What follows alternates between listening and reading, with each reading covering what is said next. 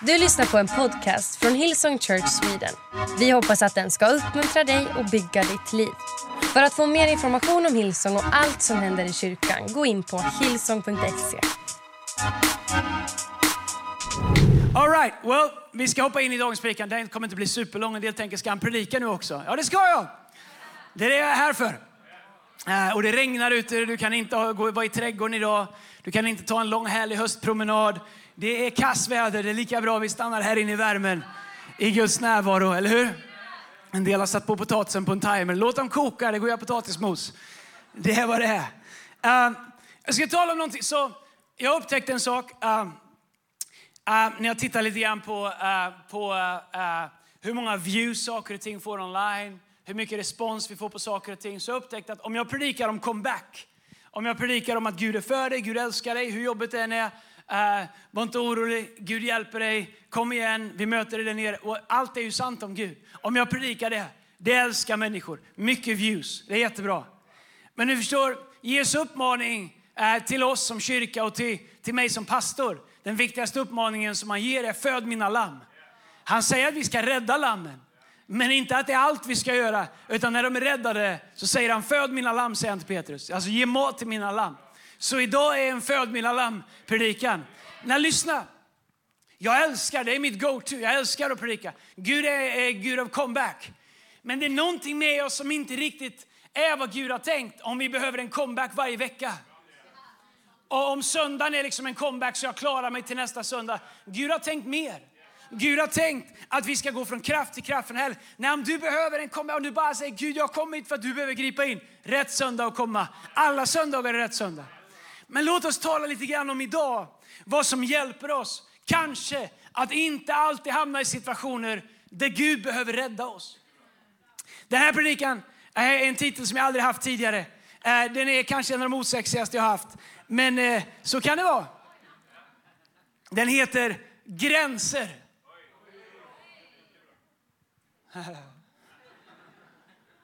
Vägen till beskydd och välsignelse. Jag ska skriva en bok om det. Jag har provat skriva böcker. Jag har startat starkt, jag har bryggt kaffe, jag har tänt ljuset i ordning, jag har följt upp datorn. Så jag suttit där och kollat på det vitaste Word-dokument som någonsin har funnits. Sen ser jag en ekorre, sen är det kört, sen stänger jag det och sen så går det inte. Men eh, jag kämpar på. Uh, Okej, psalm 71, vers 17 och 18. Om du undrar vilken översättning jag ofta predikar från så predikar jag från en eh, översättning som heter Nu-bibeln. Jag använder många olika när jag studerar för predikningar, men jag gillar att predika ur den. Där Det står det så här. Gud, du har varit min lärare från min ungdom och fortfarande förkunnar jag dina underverk. Överge mig inte Gud nu när jag är gammal och gråhårig. Låt mig förkunna din kraft för nästa generation och din makt för dem som ska komma. Jag älskar det här därför att den liksom sammanfattar eh, Guds intention med våra liv. När han säger, Gud har varit min lärare från min ungdom. Förra veckan så talade vi om kids och youth. Du vet, den här världen kommer inte berätta för dem vad deras värde är. Vi talade vi bad nyligen för människor som sitter fast i olika saker. Allt från ätstörningar till psykisk ohälsa, och massa olika saker. Den här världen kommer inte berätta för dem deras riktiga värde. Men David han säger, Gud du har varit min lärare. Från min ungdom. Han säger, du la en grund i mitt liv. Som har hållit, som jag har kunnat bygga på, som jag har kunnat leva i. Han säger, du har varit min lärare från min ungdom och fortfarande förkunnar jag dina underverk. Sen går han vidare och säger, överge mig inte Gud nu när jag är gammal och gråhårig. Du vet det negativa med att de drar upp ens ansikte så stort på skärmen. Det är att man ser hur grått skägget börjar bli. Jag är på väg till silver, vi ska alla den vägen vandra. Jag kommer. Gör plats för mig Alfie. Jag var, jag var inne på eh, häromdagen, kom in här i, i, i vår norra foyer. Jag älskar det. Varje gång jag kommer hit så älskar jag att vi har en byggnad jag kan gå in i som, vi, som är vår byggnad. Och silver, vårt arbete för, well, nu kan man inte säga liksom äldre för att folk är unga så länge nu. Uh, men det är de som är kanske inte pensionärer och som kanske inte är i, uh, i de, det, det är ett härligt gäng. De kallar sig för silver. Jag kallar dem ibland Antikrundan för att skoja lite grann. Men det är bara på skoj, det är med mycket kärlek, okej? Okay? Men eh, du vet när jag bara öppnar dörren så luktar hela foajén äppelpaj. Jag bara tänker, varför är jag inte på silver för? Varför sitter jag i massa möten med Erik Liljeroth, Tobbe Gard och alla möjliga andra? Det luktar aldrig äppelpaj på deras möten. Silver, it's where it's at. Det var hela foajén, bara, bara underbart. Och så vet jag att de träffas där. Och så får jag hälsningar som för mig betyder så mycket så ofta. Där de säger, Andreas du ska veta att vi ber för dig varje vecka. Vi ber för kyrkan, vi ber för ledare, vi ber för dig och för din familj. Och jag tänker vilken underbar rikedom. Spänsten mellan när David säger Gud har varit min lärare från min ungdom. Och så säger han att fortfarande när han är gammal och gråhårig så säger han så här. Låt mig förkunna din kraft för nästa generation. Din makt för dem som ska komma. Så han pratar om kids, han pratar om silver och så pratar han om uppdraget. Att uppdraget börjar när man är ung och det slutar inte för att man har fått lite silverstänk i håret. Come on somebody. Eller för att man måste kamma håret framåt. Skrattar ni? Jag säger som jag brukar, man ser rätt bra här uppifrån. Det finns en och annan landningsbana. Eh, jag tänkte, det ser ut lite grann som när MAF landar sina flygplan där det finns ett litet stråk i mitten som det är helt rent på. Men Paulus säger i andra, oh, oh jag måste, Paulus han säger i andra Timoteusbrevet kapitel 4, jag känner mig alltid så stressad när jag ska predika. Jag har så mycket jag vill säga. Så hörde jag kör? Det var hon som sa det. Lås alla dörrar på alla våra campus. Paulus han säger så här, andra Timoteusbrevet kapitel 4, vers 7. Jag har kämpat min kamp väl. Jag har sprungit klart mitt lopp och jag har bevarat tron. Välkänt bibelställe. Men uh, han pratar om att han springer en bana. Nej, jag tyckte friidrott i jumpan var totalt waste of time. Jag, jag tyckte det var helt meningslöst. Ingen boll, gick inte få assist och gick inte göra mål. Eh, man sprang och jag, jag, vet att det finns en rörelse i Sverige som omsätter, de är smarta, de omsätter hur mycket pengar som helst på alla grejer man ska ha för att ut och springa. Du vet, det är helt ofattbart. Eh, och jag fattar att människor eh, de säger jag sprang milen på under 45 minuter. Ja, men var skulle du då? Du ska, jag bara tänker, jaha, vad bra. Gjorde du några mål? Nej, det gjorde du inte. Eller jag sprang, jag sprang maraton på under tre timmar. Bra. Börja på samma ställe, kom tillbaka till samma ställe. Det är kanon, jättebra. Det var det. Vi hade jumpan, det är bara jag, men vi hade jumpan. Man skulle springa så här 100 meter eller 60 meter eller vad det var. Och, och, och, och sen så hade man den man skulle springa 400 meter eller 800 meter. Och det är ju så här va. Jag är ju wired på det här sättet. Att jag vill komma från kortaste punkt möjligt från A till B. Då lär man sig från bilkörningen, vi börjar lite tidigare där jag kommer ifrån med bilkörningen. Eh, att innekurva är ju grejen. Mm, och då tänker man ju, får man en bana långt ut då gäller det att komma in till kö. Men det fick man inte direkt. Nej, man ska springa i sin bana. Och, och, och drog man in, in i kurvan för att ta kortaste vägen så blir man diskad. Tvungen att hålla sig i sin bana. Mycket tråkigt, mycket legalistisk eh, idrott på alla sätt skulle jag säga. Är det samma sak med när man kör bil? När jag började köra bil, då fanns inga vägräcken. Det är inte så länge sedan, så det är liksom inte som att prata när T-Forden fanns. Men uh, Eh, det fanns inga vägräcken, det fanns inte det 2 plus 1. Utan man hade ett körfält och så hade man en rejäl vägren. Jag fattar för trafiksäkerhetens skull att det är bra med alla räcken hit och dit och så här. Jag gillade vägrenen. För man kunde liksom gå upp i ytterkant på en bil, inte puffa på den, men man kunde, man kunde visa sig där i omkörningsläget. Man kunde blinka lite, kanske titta lite grann och svaja lite så här så att de drog in i vägrenen. Och så kunde man ligga med ytterparet och hjulen lite utanför eh, på andra sidan mötande trafik. Och så gjorde en annan det. Det var ju så det funkar. Men nej, säger ni alla ni som tog körkort för 15 år sedan. Ni har ingen aning om hur livet var innan. Men, men, men så upptäckte man att det är ju inte bra. Det är ju dumt. Jag somnade en gång eh, i min 240, eh, 142 var det förresten, och bara åkte rakt ut på en eh, leråker. Jag vaknade inte förrän bilen hade stannat. Jag var ganska trött. Nu har man löst det genom att sätta upp vägräcken som gör att du kan inte åka av vägen. Eller mittvajrar som gör att de fångar upp dig så du åker inte in i mötande trafik. Det är ju bra. När jag läser Guds ord så ser jag att Gud, han har satt upp en hel del gränser för oss. Som i liksom vårt inre är lätt att tänka att de är där för att begränsa oss. Vi lever i en värld som promotar total gränslöshet. I en värld som säger om det känns rätt för dig så är det rätt. Och jag kan säga när jag kör bil så är det mycket som känns rätt som polisen inte håller Jag gör ju inte de sakerna såklart. Men det känns rätt. Där och då i alla fall. Men det är inte rätt. Och den här gränslösheten som vi kallar frihet. Den här gränslösheten att ingen ska säga till mig. Är vi säkra på att den är bra för oss? Är det alltid bra att leva utan gränser? Vad händer med en ung människa som växer upp utan gränser? Den blir gränslös. Den blir otrygg. Under en period i min uppväxt så kände jag att jag saknade gränser. Det man gör är att man pushar och pushar och pushar tills man känner att det tar stopp. Och det stoppet ger en trygghet. Jag hade lärare som gav mig gränser. Det gav mig trygghet. Jag hade lärare som inte satte gränser. Det gjorde mig helt kaos. Gud, när vi läser ordet, han har gett oss gränser för att det ska leda till beskydd och till välsignelse. Vi kan bejaka dem, eller så kan vi säga 2022, man måste läsa Guds ord på ett annorlunda sätt. Vi kan ju inte ha gränser. Gud är bara kärlek. Kärleken vet inga gränser. Well, jag är gift med min fru. Vi har ett äktenskap. Den kärleken har gränser. Annars har vi inget äktenskap. De gränserna bejakar jag för att jag älskar henne. Av kärlek till henne bejakar jag de gränserna. De gränserna beskyddar vårt äktenskap. De gränserna är där för att i ett äktenskap, vi har varit gifta 20 år, så eh, om det ska ha ett värde så måste man kunna vara sårbar. Det tog jättelång tid för mig att, att liksom skala av filter, skala av liksom skyddsmekanismer och våga vara sårbar, våga vara ärlig. Och Lina samma sak. Och ska man göra det så måste man vårda varandra. Man måste varsamt hantera varandra och det sätt som man gör det är att man skapar en tillvaro där vi har gränser. De gränserna leder till ett bättre, djupare äktenskap. Inte liksom, va? Är du bara gift med en? Ja, hur i hela friden klarar någon två?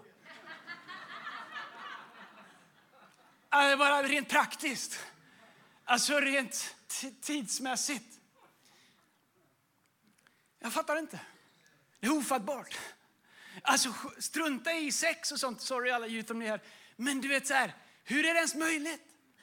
Men äktenskapet är designat med gränser för att beskydda våra hjärtan. För att beskydda vårt innersta.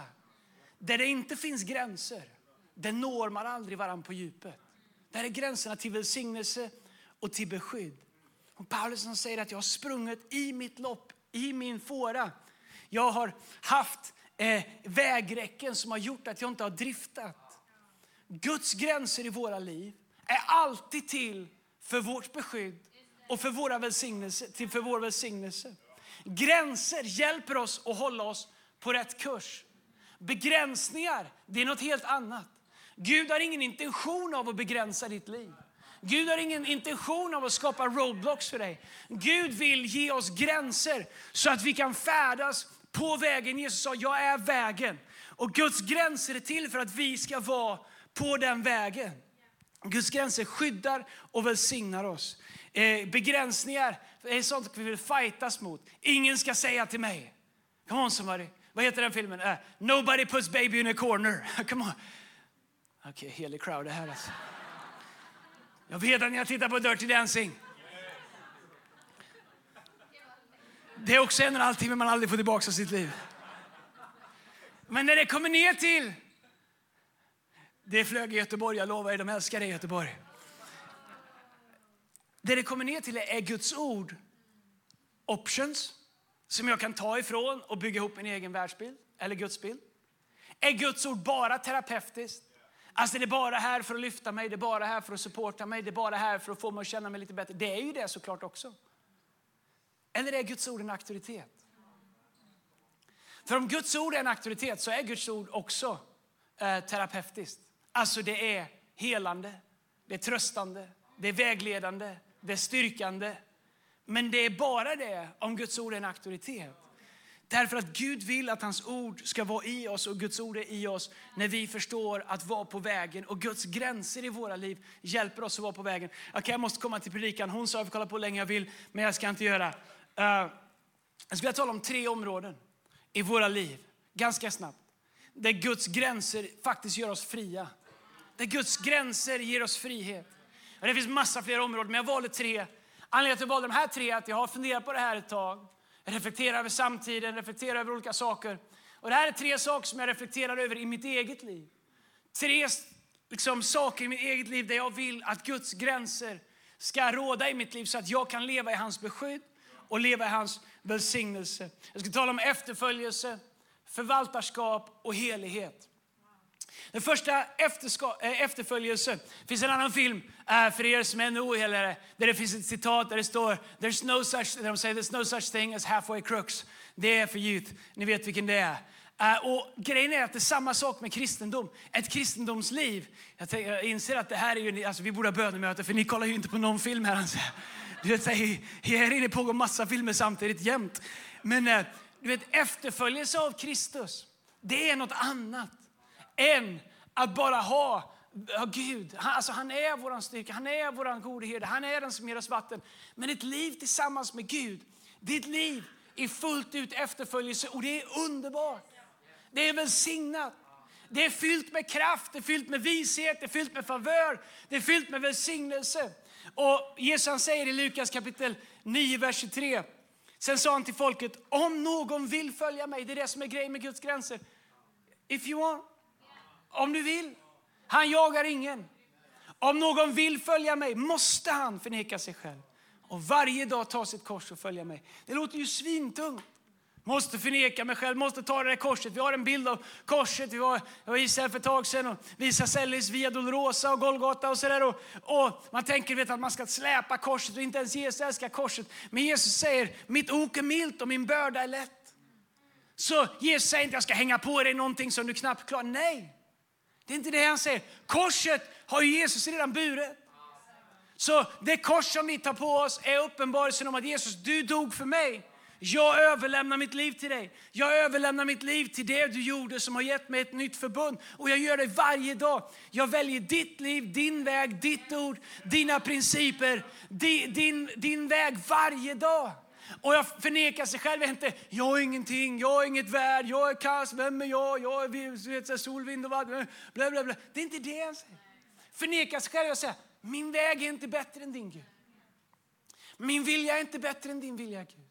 Din vilja är bättre. Jag förnekar eller jag, jag avstår min vilja att vara Gud i mitt liv. Min vilja att lev, sätta mina egna gränser. Min vilja att snickra ihop min egen tro och teologi. Och jag avstår från det. Gud säger, du måste inte. Han säger, om någon vill. Och så väljer jag dig Gud. Jag väljer ditt ord som en auktoritet som är guidande och vägledande.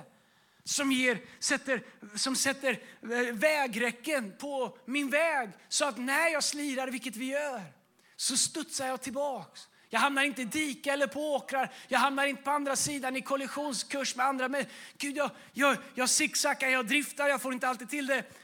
Men jag stannar på vägen för att jag väljer dig igen och igen och igen. Varje morgon väljer jag dig, Jesus. Och så säger han, den som vill rädda sitt liv ska mista det, men den som mister det för sitt liv för min skull, han ska rädda det. Vad är, mista mitt liv, ska jag inte leva? Men det är inte det han säger. Han säger det finns ett helt annat liv. Så att mista är att vinna.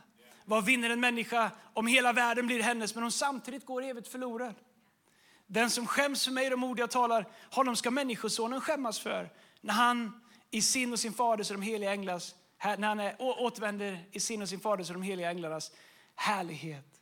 Det Jesus talar om är all in. Följ mig fullt ut. Varje dag väljer jag att följa Jesus. Varje dag väljer jag att lämna min ambition att vara Herre i mitt liv. Varje dag väljer jag att ta bort det som hindrar mig från att fullt ut följa Jesus. Och ett sånt liv är underbart. Det är fullt med löften. Alltså det är, det är tusentals löften i Bibeln som är kopplade till ett sånt liv. Men ett sånt liv fungerar bara när vi bejakar Guds underbara gränser i våra liv. Det andra som jag reflekterar över är förvaltarskap.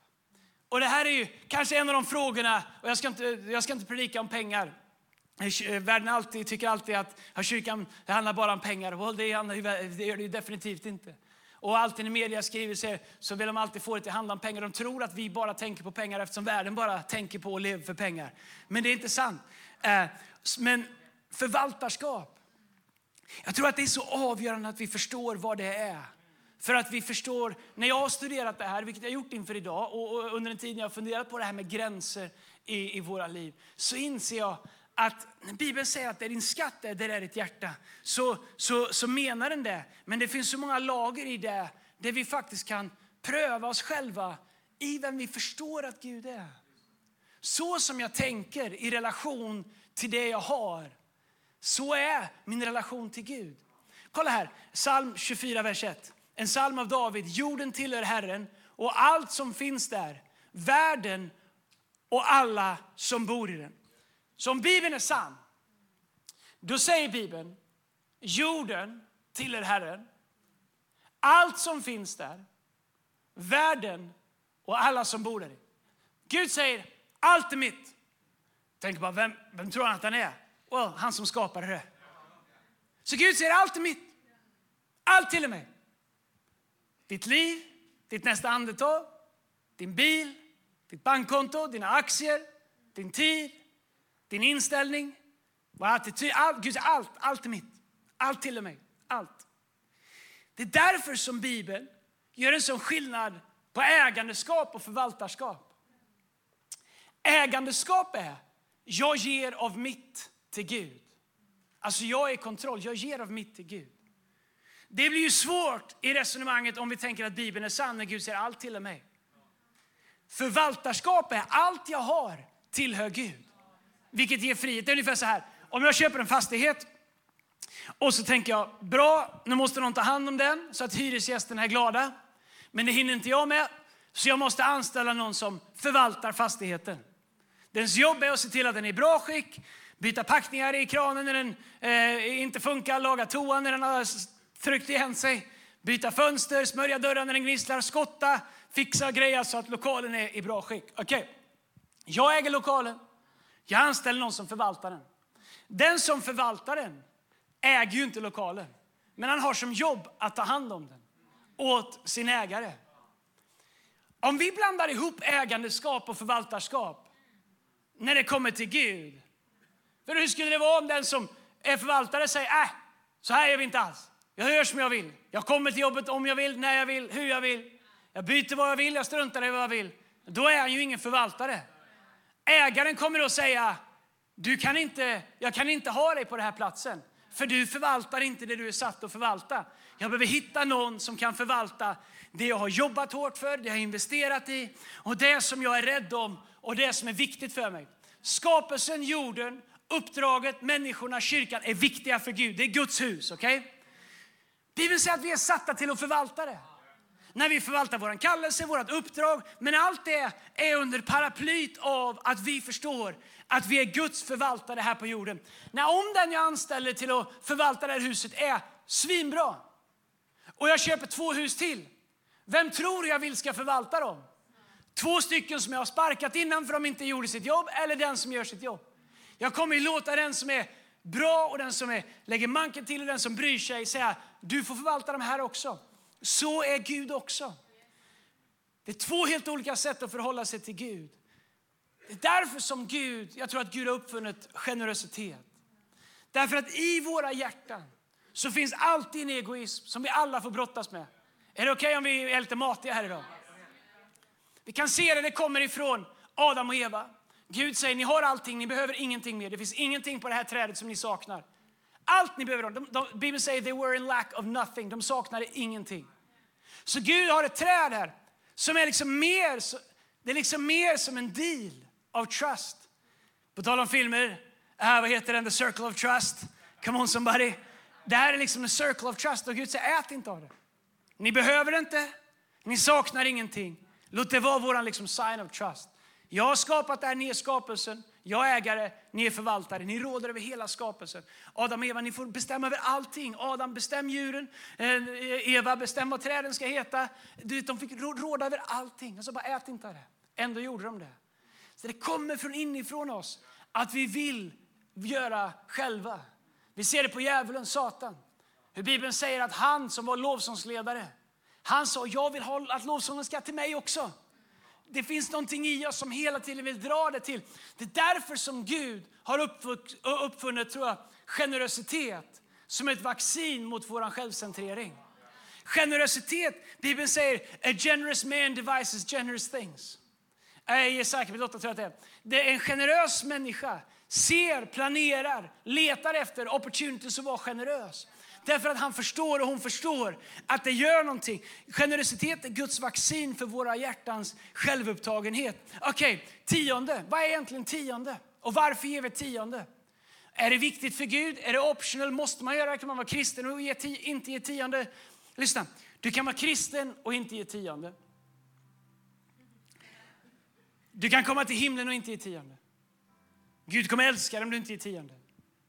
Men du kommer aldrig fullt ut kunna bli en förvaltare om du inte ger tionde. Så som jag läser Bibeln. Så som jag förstår Bibeln. Därför att tiondet, det är Guds beskydd för oss så att vi kan stanna i hans välsignelse. Det kommer tillbaks till om vi är ägare eller förvaltare. Om jag är ägare av allt jag har, jag tänker jag har gjort det här, jag har jobbat ihop det här, jag börjar från ingenting, jag har min sann. Och låt mig fråga så här, vem gav dig visheten? Vem gav dig kraften? Vem har gett dig välsignelsen? Vem har gjort connections med människor som har gett dig promotion som du aldrig ens visste? Vem har gett dig gåvorna att vara kreativ? Vem har gett, var kommer allt det ifrån? Det kommer från Gud. Så hur mycket vi än tänker att jag har gjort det här så kommer allting från Gud ändå. Vi förvaltar våra gåvor, vi förvaltar våra talanger, vi förvaltar vår kreativitet, vi förvaltar vår kraft, vi förvaltar vår energi, vi förvaltar våra, eh, vår, alla våra skills som vi har. Så då säger, då säger Bibeln att, att om vi ser oss som ägare, då ger vi till Gud. För om jag äger det, då ger jag ju till Gud. Hade jag, hade jag varit Gud så... Min, min dotter kommer till Andreas jag bara känner att jag ska, jag ska ge dig den här bilen. Snackar du inte, du har inte ens pröjsat soppapengar. Inte ens när vi övningskör, vilket du inte måste. Men du kan inte ge något som inte är ditt, du är inte ägare av den här. Om jag, om jag tänker när jag ger generösa gåvor till andra människor, jag är med Heart for the House, jag är att nu har jag minsann gett till dig Gud. Hur kan jag ge? Det är, det är inte mitt. Men om jag tänker att jag är en förvaltare och allt jag har kommer ifrån Gud. Och Gud säger så här, hej, jag vill att du ska förvalta mycket. Jag vill att det du förvaltar ska kunna välsigna dig, välsigna din familj, välsigna andra människor. Du som var en bra förvaltare av mitt första hus, liknelsen vi använde innan. Jag vill göra dig till förvaltare över mer. Men jag vill att du förstår att du är en förvaltare. Om du förstår det så kan jag anförtro dig mer och mer och mer och mer. Men Gud säger 10% av det du har, av allting som du har, där allting kommer från mig, det vill jag använda. Gud säger 10% av det som är mitt, det vill jag använda till mitt hus. Det vill jag använda till att bygga min kyrka. Det vill jag använda till, inte till att göra behjärtansvärda saker runt om i världen, utan han säger det kopplat till sitt hus. Det är så jag läser Bibeln. Får gärna utmana mig eller, eller visa mig om jag har fel i Bibeln. Men det här är vad jag tror av hela mitt hjärta. Så han säger 10 procent av allt du förvaltar, det vill jag att det ska in i mitt hus. Så att vi kan, jag kan göra det fullbordade uppdrag som jag startade när jag gick här nere. Om du gör det så kommer de andra 90 procenten som du förvaltar vara så välsignade att det räcker till dig och till andra människor och de kommer växa och växa och växa. När om vi håller den här förvaltningstanken och vi tänker att vi är förvaltare. Om jag, om jag förvaltar någonting av något annat och han säger hej jag behöver lite av det du förvaltar. Jag säger det får du inte. Tror du att den personen kommer fortsätta vara min förvaltare? Aldrig. Hej, om du har en fond du sparar som du kan ta ut när du vill och du behöver den för du behöver reparera hus, du går till banken och säger jag vill ta ut min fond. Nej, vi har tagit den. Det är våran nu. Swedbank? Nej, inte dem. Det är vilken bank som helst. Eller Handelsbanken, Nordea eller whatever. Jag vill bara hitta på. Då säger du, hej, ta hit min fond. Jag går någon annanstans.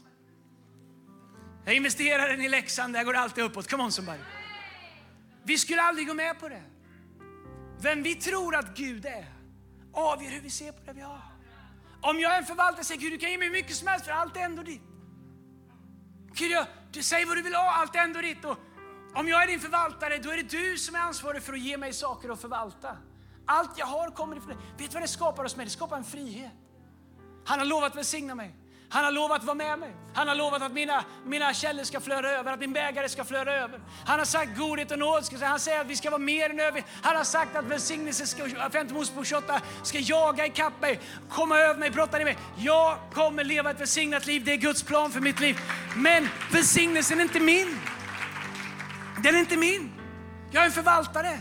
Därför att Gud har dragit upp gränser. Han säger 10 procent, det är en gräns. Varför? Så att du kan leva välsignat. Så att du kan leva i beskyddande, så att, så att ditt hjärta inte ska bli tweakat åt ett håll som leder till självcentrering eller till att tro att du gjorde det här.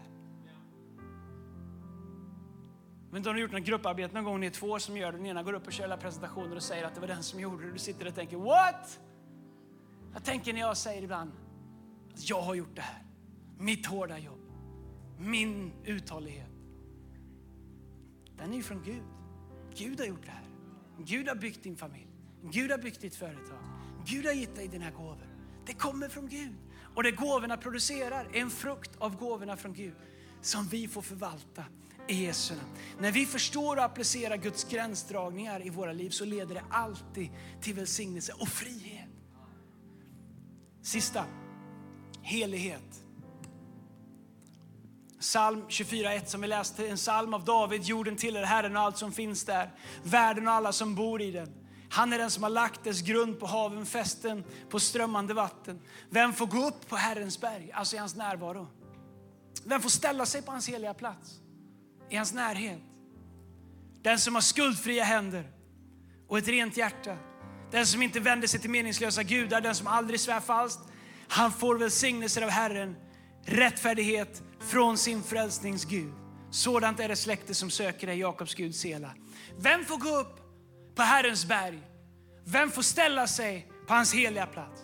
Den som har skuldfria händer och ett rent hjärta. Om bara jag läser det tänker jag det är kört. Men så påminns jag om att mitt rena hjärta kommer inte från min prestation utan min tro på Kristus. Jag är rättfärdiggjord genom tron på Kristus. Men vad mina händer gör, det är jag ansvarig för. Mina händers verk, det kommer ifrån mig. Problemet är att mina händer, mina, det jag gör, mina handlingar och mitt tal kommer från mitt hjärta. Och när jag läser det så inser jag att Gud har dragit upp gränser i våra liv så att vi kan få komma in i hans närvaro. Att Gud har gjort välsignade gränser i våra liv för att vi inte ska drifta iväg så att vi inte kan vara i hans närvaro. Alltså Gud är god, han är nådefull, han är tillgänglig. Men vi kan bara få säga, vi sladdar inte in i hans närvaro hur som helst. Vi sladdar inte in för hans tron på vilket sätt vi vill. Gud har preferenser. Och Gud utgår från sin egen natur och ska jag approacha Gud så är det utifrån det sätt som han har sagt. Därför så är gränsdragningar i mitt liv därför att skapa helhet i mitt liv. Inte legalism, inte självgodhet, inte skenhelighet. Men gränser som Bevara mitt hjärta. Ordspråken säger mer än någonting annat som ska bevaras. Bevara ditt hjärta, för därifrån, vad säger han? Sätt gränser för ditt hjärta. Det finns saker jag inte gör därför att jag vill ha gränser för mitt hjärta. Det finns konversationer jag inte har, människor jag inte träffar. På samma sätt som jag har gränser för mitt äktenskap så jag har gränser i olika delar av mitt liv. Därför att jag vill skydda mitt hjärta så att jag frimodigt kan komma inför Gud. För jag behöver hans närvaro, jag behöver hans närhet. Jag vill kunna tillbe där. Jag behöver hämta kraft kraft hos honom. Jag behöver komma tillbaks till honom. Så jag välkomnar hans gränser i mitt liv. Till ett heligt liv. Inte ett liv med begränsningar. Åh, vad tråkigt. Oh, bla, bla, bla. Ni är så trångsynta som kristna. Nej, jag vill komma inför hans ansikte. Och allt det här andra som får stanna utanför, det, jag vill att Gud ska dra en gräns och hjälpa mig att hålla den. Så att jag kan komma upp på hans heliga berg. Inför hans heliga tron. För jag klarar mig inte själv. Jag gör inte det. Jag är inte tillräckligt stark. Jag är inte tillräckligt andlig. Jag är inte tillräckligt uthållig. Jag, jag ser inte tillräckligt klart, jag hör inte tillräckligt tydligt. Så jag behöver hans närvaro. Där allt blir tydligare, där allt hörs klarare. Där jag påminns igen om att det är hans verk i mig som sker. Och att det är hans verk igenom mig som sker. En plats där jag kan tillbe, en plats där jag kan lovsjunga, en plats där jag kan stämma in med allt skapat, där jag kan vila, där jag kan som psalm 91 säger, sitta under den allsmäktige skugga och få ro. Varför är det så många människor som kämpar med ro? Därför att de hittar inte en plats under den allsmäktige skugga. Helighet. Hur vet man om man har ett rent hjärta? Låt mig avsluta med det här. Nummer ett, rent tal.